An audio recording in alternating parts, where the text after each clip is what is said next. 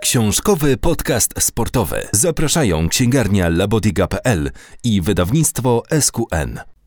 Cześć, ja nazywam się Michał Fiałkowski, a to...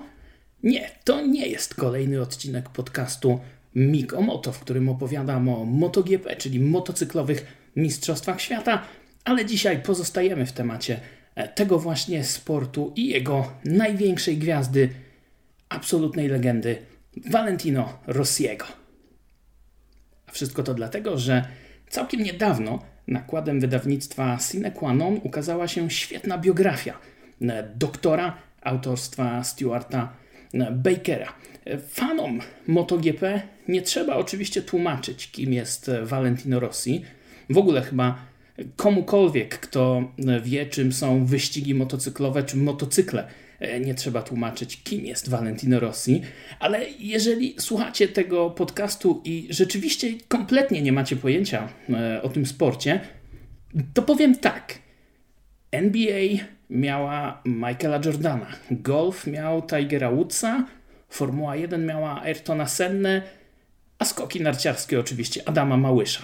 Każdy z nich był jest nadal sportowcem, który absolutnie przerósł swoją dyscyplinę, trafił do tak zwanego mainstreamu i zapisał się w historii jako gwiazda nie tylko stricte danego sportu, e, ale sportu, rozrywki w ogóle.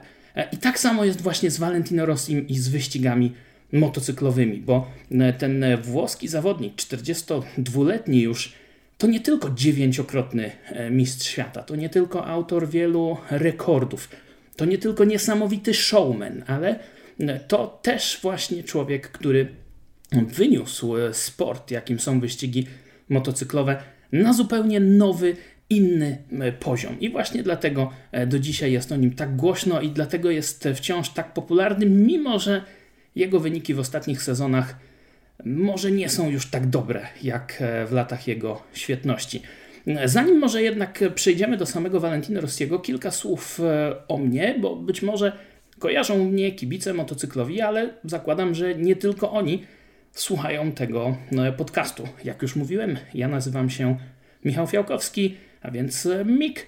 Prowadzę taki właśnie podcast MIG o moto, pisuję czasami o MotoGP na portalu ścigacz.pl. Wcześniej byłem dziennikarzem, pracowałem dla polskich, zagranicznych magazynów, komentowałem też wyścigi MotoGP, między innymi na antenie Sport Klubu i Polsatu Sport. I w związku z tym wszystkim miałem też przez wiele lat dosyć częsty kontakt z Valentino Rossim, dlatego też chciałbym o nim troszeczkę więcej Wam dzisiaj opowiedzieć, mimo że ja już bardziej robię troszeczkę inne rzeczy w świecie E, motorsportu, bardziej PR-owe, bardziej e, menedżerskie, ale nadal lubię sobie pogadać o e, MotoGP i też w tym podcaście, o którym wspomniałem, jeden z odcinków poświęciłem właśnie Valentino Rossiemu. I oczywiście ten odcinek do dzisiaj jest tym najpopularniejszym, tym, który ma najwięcej wyświetleń i wysłuchań, właściwie odsłuchań e, i pobił nawet ten odcinek, e, zdecydowanie odcinek, w którym mówiłem o pieniądzach e, w MotoGP, które też są sprawą przecież głośną, kontrowersyjną czasami. Ale zostawmy to. Skupmy się na Valentino Rossi. Skupmy się na książce, o której już Wam mówiłem.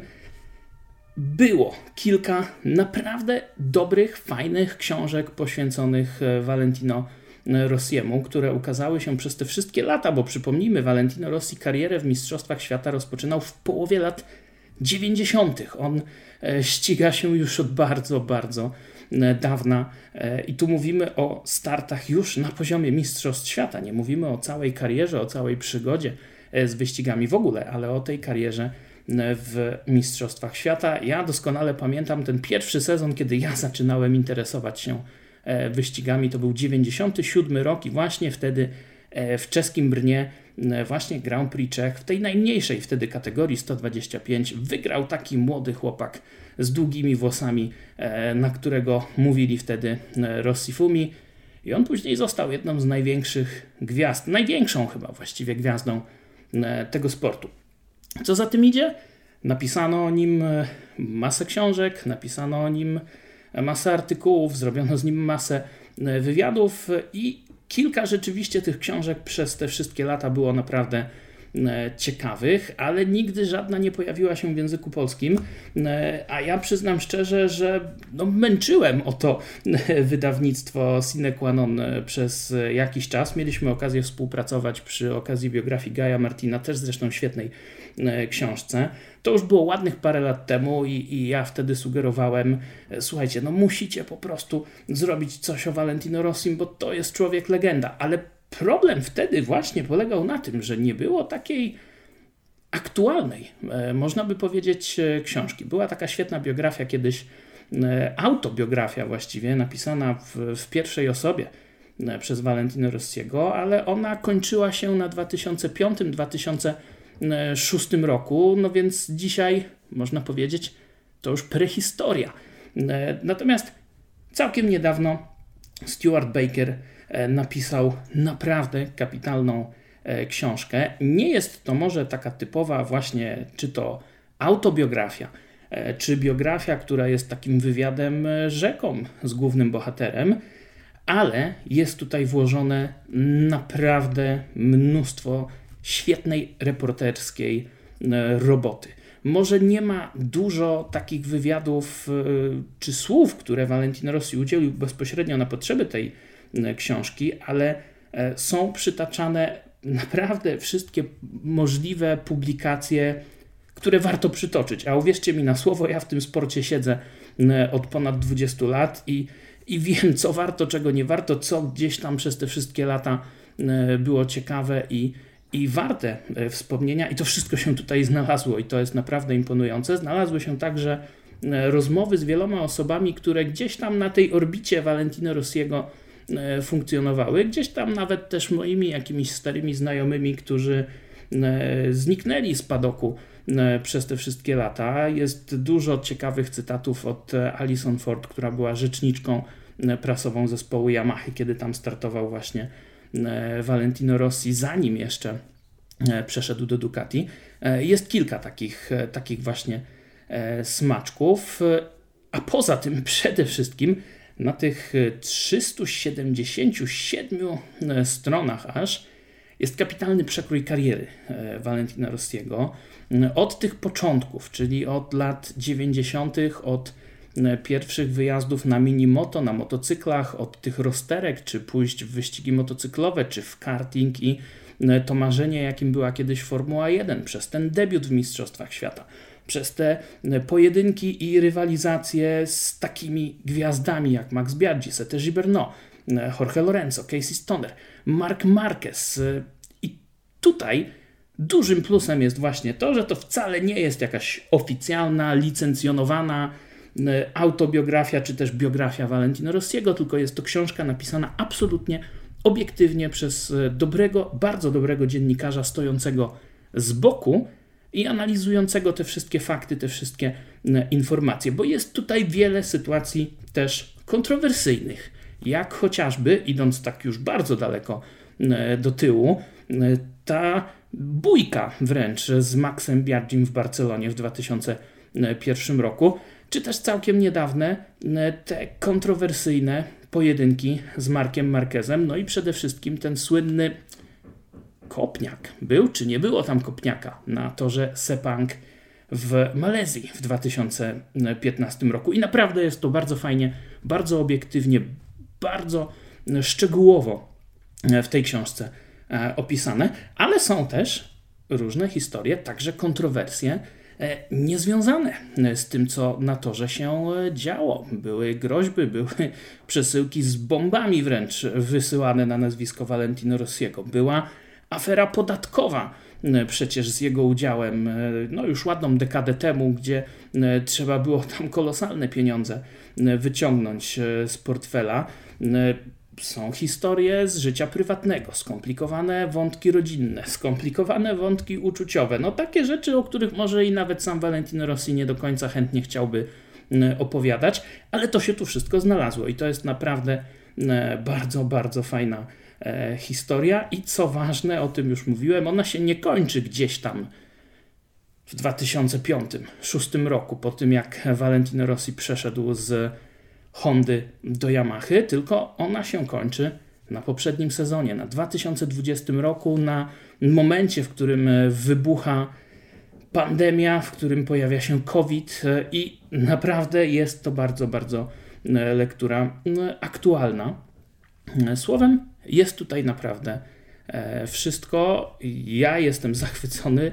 Bardzo fajnie mi się tą książkę e, czyta. Nie mogę powiedzieć, że czytało, bo czyta, bo e, jeszcze do końca nie dotrwałem, ale przewertowałem sobie te ostatnie słowa tak, żeby tutaj też się upewnić, czy raz czegoś nie zdradzę, a dwa, czy wszystko jest, co być powinno. No i rzeczywiście, rzeczywiście jest. Także jeśli chodzi o taką typową recenzję, no to na pewno możemy tutaj dać maksymalną absolutnie e, ocenę.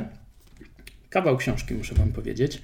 E, są te wszystkie wątki związane z przejściem właśnie z Hondy do Yamahy, później z Yamahy do Ducati, powrót do e, Yamahy. To wszystko bardzo ciekawie, bardzo szczegółowo e, opisane. No ale może to to tyle, jeśli chodzi o samą książkę, bo ja nie chciałbym, żeby ten e, podcast dzisiejszy był od A do Z taką e, recenzją, czy też podsumowaniem tego, co możecie przeczytać w biografii e, Valentino Rossiego. Chciałbym też dzisiaj opowiedzieć o swoich doświadczeniach, o tym, e, jak to wyglądało, jeśli chodzi o, o moje kontakty z Valentino Rossim, bo jest tutaj też kilka takich ciekawych historii, ciekawych smaczków. E, część tych rzeczy, które gdzieś tutaj w tej książce są opisane, miałem okazję też i przyjemność e, śledzić z bliska. E, I muszę powiedzieć, że to się zaczęło i to trochę smutne dla mnie, bo to się zaczęło już, już całkiem dawno temu. Mój pierwszy wyjazd jako dziennikarza na, na wyścig MotoGP to był 2004 rok. To było Grand Prix Czech w Brnie jednym zdecydowanie z najlepszych torów e, wyścigowych na świecie, jednym też z ulubionych zresztą torów e, Valentino Rossiego. E, I jadąc tam wtedy jeszcze jako mało znany młody dziennikarz polskiego magazynu, starałem się umówić na wywiady z absolutnie jak największą częścią stawki MotoGP i to mi się udało i tych wywiadów udało mi się wtedy zrobić kilkanaście. E, w ciągu czterech dni. Jednym z tych wywiadów była właśnie rozmowa e, z Valentino Rossim. I powiem Wam szczerze, że nie zdawałem sobie jeszcze wtedy sprawy, e, no jak duże miałem szczęście, jak dużego miałem farta. Między innymi właśnie dzięki Alison Ford, która tutaj w tej książce się przewija. Ona była wtedy rzeczniczką E, Yamahy, jeszcze zanim tam trafił Valentino Rossi, bo ten sezon 2004 to był pierwszy rok Valentino Rossiego w Yamasze, to była połowa sezonu, to wszystko się zaczęło sensacyjnie, no bo on po zmianie motocykla już wygrał pierwszy wyścig, walczył o tytuł, czego nikt absolutnie się e, nie spodziewał. E, no i też trochę dzięki temu, że gdzieś tam udało nam się wcześniej z zespołem jakieś relacje zbudować, robić jakieś wywiady jeszcze zdalnie, zanim w ogóle na ten pierwszy wyścig pojechałem, udało się E, wcisnąć na taki wywiad i z Valentino Rossim, i z Carlosem Czeką, wtedy, który jeździł e, jako drugi zawodnik tego fabrycznego zespołu e, Yamahy wówczas. I o ile właśnie, czy to z Czeką, czy to z wieloma innymi zawodnikami, z którymi później miałem okazję, czy w ten weekend miałem okazję rozmawiać, później tych kolejnych wywiadów było naprawdę, naprawdę dużo. Nie było problemów, żeby te wywiady E, jakoś e, aranżować na kolejnych zawodach, czy też niektórzy zawodnicy e, nie mieli problemów, żeby się nawet gdzieś tam podzielić swoim prywatnym numerem telefonu, żeby się zdzwonić pomiędzy wyścigami o jakieś tam kwestie podpytać. No o tyle z Valentino Rossim to już wtedy też nawet było trochę zrozumiałe, bo on już był wtedy wielokrotnym mistrzem świata. To nie była wcale taka prosta historia. A tak swoją drogą to przepraszam, przepraszam Was strasznie za te wróbelki, e, które gdzieś tam e, za moimi plecami ćwierkają, ale no nie mogę sobie poradzić i nie wiem jak się ich pozbyć. To jak macie jakieś pytania, to e, czy pomysły właściwie, co z tym zrobić, to czekam na Wasze propozycje. Tak czy inaczej, wracając do Valentina Rossiego, tamten wywiad, pierwszy, wtedy jeszcze dla magazynu Fastbike, bardzo ciekawy, no ale już wtedy dało się odczuć to, że po pierwsze, że Valentino Rossi to jest prawda, że on się spóźnia, bo on się zawsze spóźnia i to jest czasami zrozumiałe, bo jak on się spóźnia na briefing z mediami po wyścigu, E, no to to jest oczywiste, że udzielał wywiadów telewizyjnych, one się przeciągnęły i tak dalej. No ale jak się spóźnia na briefing w czwartek czy w piątek, kiedy tam faktycznie nic się takiego nie dzieje, no to jest wszystko jasne. I na ten wywiad pierwszy mój z Valentino Rossi, on się wtedy też e, dosyć mocno e, spóźnił. Już wtedy, i to był jedyny taki wywiad, to później stało się normą, ale wtedy to był pierwszy taki jedyny wywiad, kiedy E, nie byliśmy sami e, w tej zespołowej ciężarówce, były z nami osoby z jego e, managementu. Oni sobie też ten wywiad nagrywali, przysłuchiwali się temu. No ja im oczywiście też po fakcie na kolejne gdzieś tam zawody zawiozłem gazetę, pokazałem im jak to wygląda, mimo że tam za wiele to może po polsku nie rozumieli, ale mieli taką, taką powiedzmy podkładkę, tak? I wiedzieli, co tam dokładnie Valentino Rossi E, mówił. I to jest też taki wątek, który się w tej książce, e, w tej biografii Valentino Rossiego przewija. On nieraz gdzieś tam przez media, szczególnie przez te włoskie media, e, został trochę wywieziony, brzydko mówiąc, w pole, to znaczy udzielał wywiadu, coś tam powiedział, ktoś zadał jakieś ten, tendencyjne pytanie, on się dał w taki koziróg zapędzić, czy też nawet i nie ale e, te jego wypowiedzi później brzmiały tak, jakby mówił coś kontrowersyjnego, czy coś, co faktycznie miejsca nie miało, dlatego w jego przypadku już wtedy bardzo mocno uważano e, na takie kwestie, co u innych zawodników w ogóle nie miało miejsca, bo e, pamiętam jak tam chyba z godzinę później wtedy rozmawiałem z Carlosem Czeką, więc Alison o której już mówiłem, wpuściła nas do innego pomieszczenia w ciężarówce, posadziła i powiedziała, no to sobie rozmawiajcie i sobie poszła. I mimo, że mieliśmy tam 10 minut, chyba to rozmawialiśmy z 20, nikt nie robił z tego problemu, nikt nas nie podsłuchiwał, nikt, nas nie nagrywał. No ale Carlos Czeka nigdy nie był zawodnikiem takiego kalibru jak e, Valentino Rossi. E, I tak jak mówiłem, nie miałem wtedy tej świadomości, jak trudno będzie umówić się z Valentino Rossim na kolejny wywiad.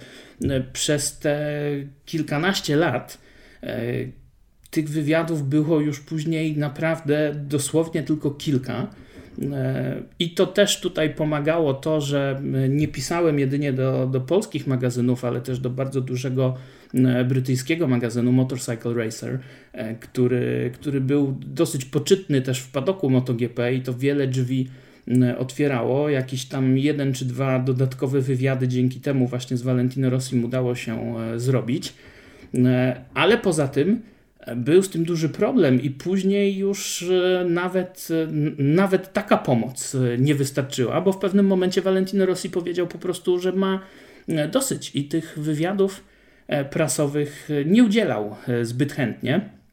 Na szczęście tutaj znów e, miałem warta, bo to zupełnie inaczej wygląda, jeśli chodzi o wywiady telewizyjne i tutaj Valentino Rossi każdego dnia podczas weekendu Grand Prix spotyka się z mediami i bardzo często wygląda to tak, że na zawodach jest na przykład 10 stacji telewizyjnych różnych Oczywiście Włosi mają tutaj absolutne e, pierwszeństwo. Telewizja Sky, która zresztą z Rossim e, współpracuje przy jego zespole, e, najpierw w Moto3, teraz już także w MotoGP, ale też te mniejsze, mniejsze stacje, może nie stacje, ale ci te mniejsze rynki, no bo nie oszukujmy się, Polska dla MotoGP nie jest takim rynkiem jak Włochy, Hiszpania czy Niemcy.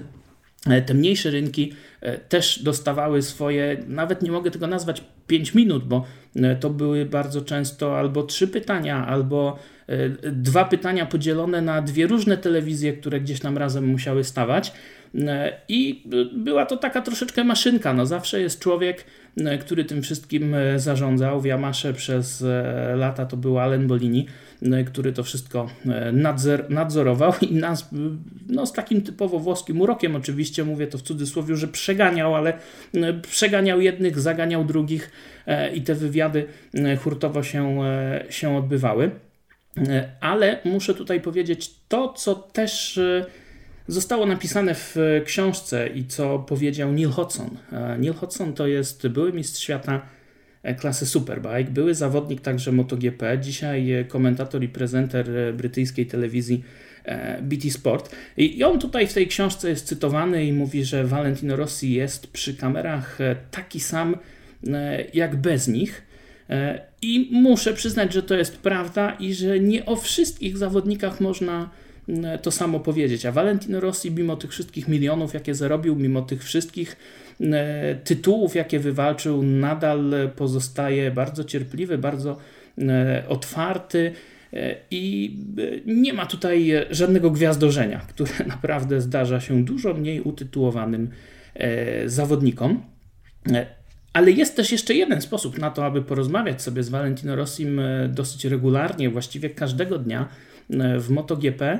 E, zresztą, jak w wielu innych też dziedzinach sportu, funkcjonuje to na takiej zasadzie, że każdy dzień na torze, każdy dzień weekendu wyścigowego kończy się tak zwanymi briefingami z zawodnikami. Przychodzi wtedy grupa dziennikarzy do jednostki gościnnej danego zespołu, siadamy sobie czy to w kółeczku, czy to przy stole, czy to na krzesłach przed e, jakimś biurkiem, e, przy którym siada zawodnik i on wtedy odpowiada na nasze pytania. No, od ubiegłego roku w MotoGP to wszystko się odbywa wirtualnie na, na Zoomie, ponieważ dziennikarze nie są wpuszczani do padoku, a nawet teraz już kiedy powoli nas zaczynają wpuszczać, to nadal dziennikarze nie mają wstępu E, do tych e, miejsc, w których przebywają zespoły. Wiem, że to może bez sensu zupełnie brzmi, no ale tak to działa. Można polecieć na wyścig MotoGP jako dziennikarz w tym sezonie tylko po to, żeby móc siedzieć jedynie w sali prasowej i nie móc zejść do padoku, który znajduje się pod nią.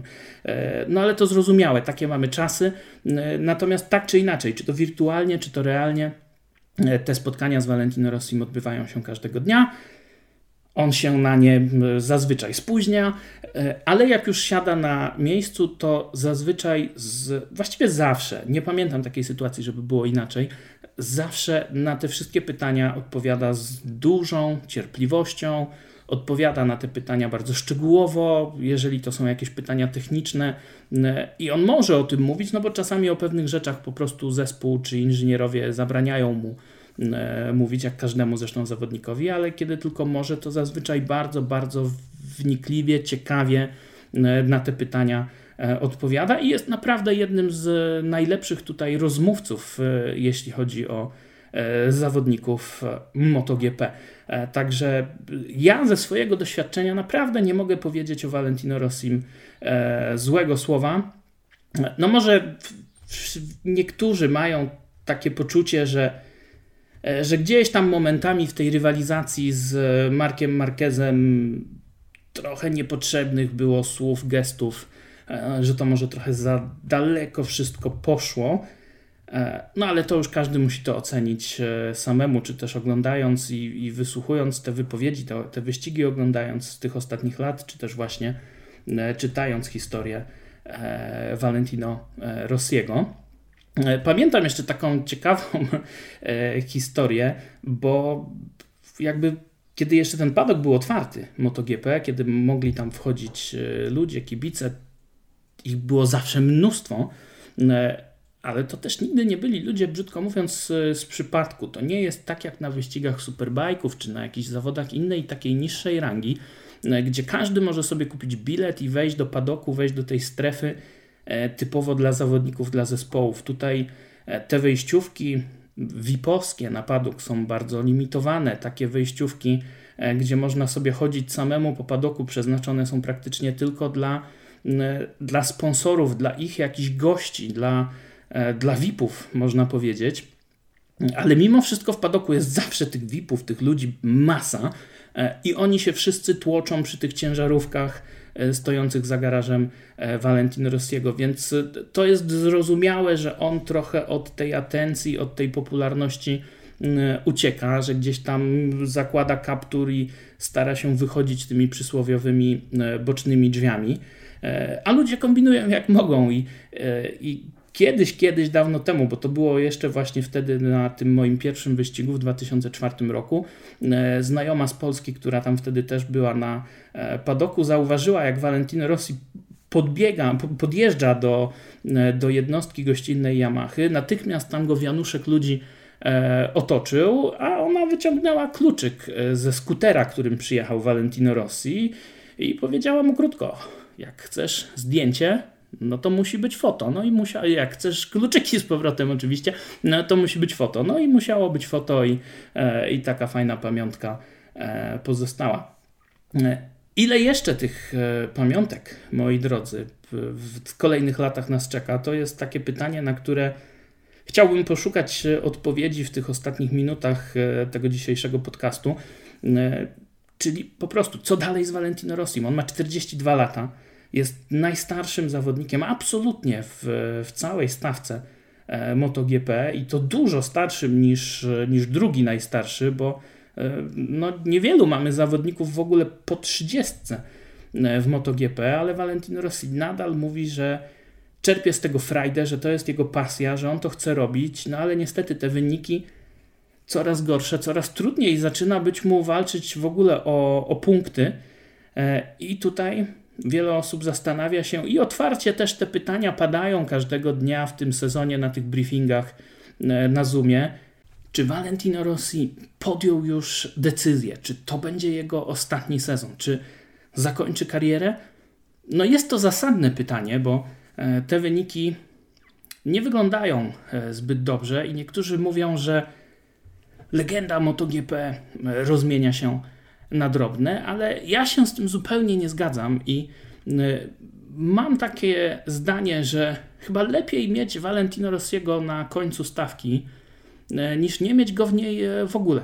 Może tego nie da się odczuć w tym roku, bo na większości wyścigów nie ma kibiców, ale pamiętam doskonale tę sytuację z 2010 roku, kiedy Valentino Rossi złamał nogę na swoim ukochanym zresztą torze Mugello to jest też dosyć e, drobiazgowo opisywane w e, biografii e, i opuścił wtedy cztery kolejne wyścigi.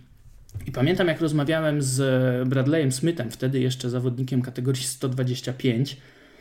I on, rozmawialiśmy wtedy na Grand Prix Niemiec. To był wyścig, na którym Valentino Rossi wracał do walki i walczył zresztą wtedy o podium z Casey'em Stonerem do ostatnich metrów. I Bradley Smith powiedział, że to jest niesamowite, y, jak zupełnie inna atmosfera panowała w padoku, kiedy Valentino Rossiego y, nie było. Nie było tego zainteresowania, nie było kibiców y, i przed telewizorami, i na trybunach. W zeszłym roku, kiedy Valentino Rossi też opuścił kilka wyścigów z powodu zarażenia koronawirusem, tego już nie dało się odczuć, no bo kibiców i tak nie było z powodu pandemii. E, Valentino Rossi też już nie odgrywał tych pierwszych skrzypiec, więc te wyniki oglądalności też wcale e, nie ucierpiały, ale jednak myślę, że dla wielu fanów to, to już nie było to samo e, bez Valentino Rossiego i to było widać jeszcze w 2019 roku, jeszcze kiedy ci kibice byli na trybunach, na torze, przy tych wszystkich stoiskach z gadżetami poszczególnych zawodników no to właśnie najwięcej ich było poubieranych na żółto, najwięcej z tym numerem 46 na koszulkach. I dla wielu osób e, nadal MotoGP to jest Valentino Rossi, więc e, jeżeli już zapadnie taka decyzja, e, że czas kończyć karierę, mi osobiście będzie bardzo przykro z tego powodu.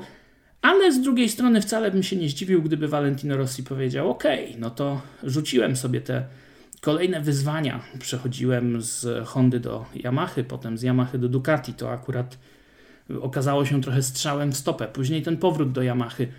No to może zdecyduje się na takie, brzydko mówiąc, pożegnalne tournée w przyszłym roku w barwach swojego własnego zespołu. Może wtedy właśnie na Ducati, bo tak, e, tak się plotkuje na padoku, że w, w przyszłym roku ta jego ekipa będzie wystawiała motocykle e, Ducati.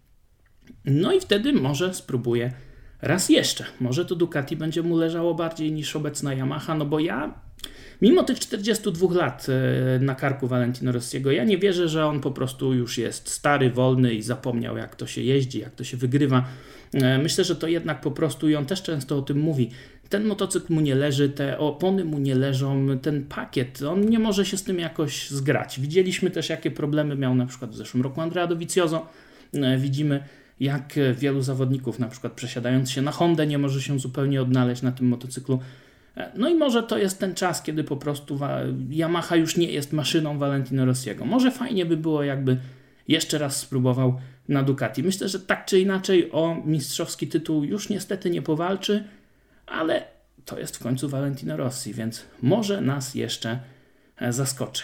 I to nieraz.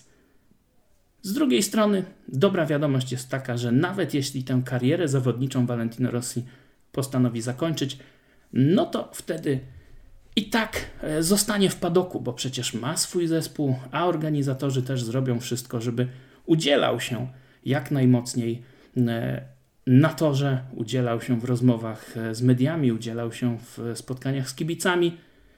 No i może wtedy takim dziennikarzom jak ja znów będzie trochę łatwiej, żeby z Valentino Rossim umówić się na jakiś wywiad.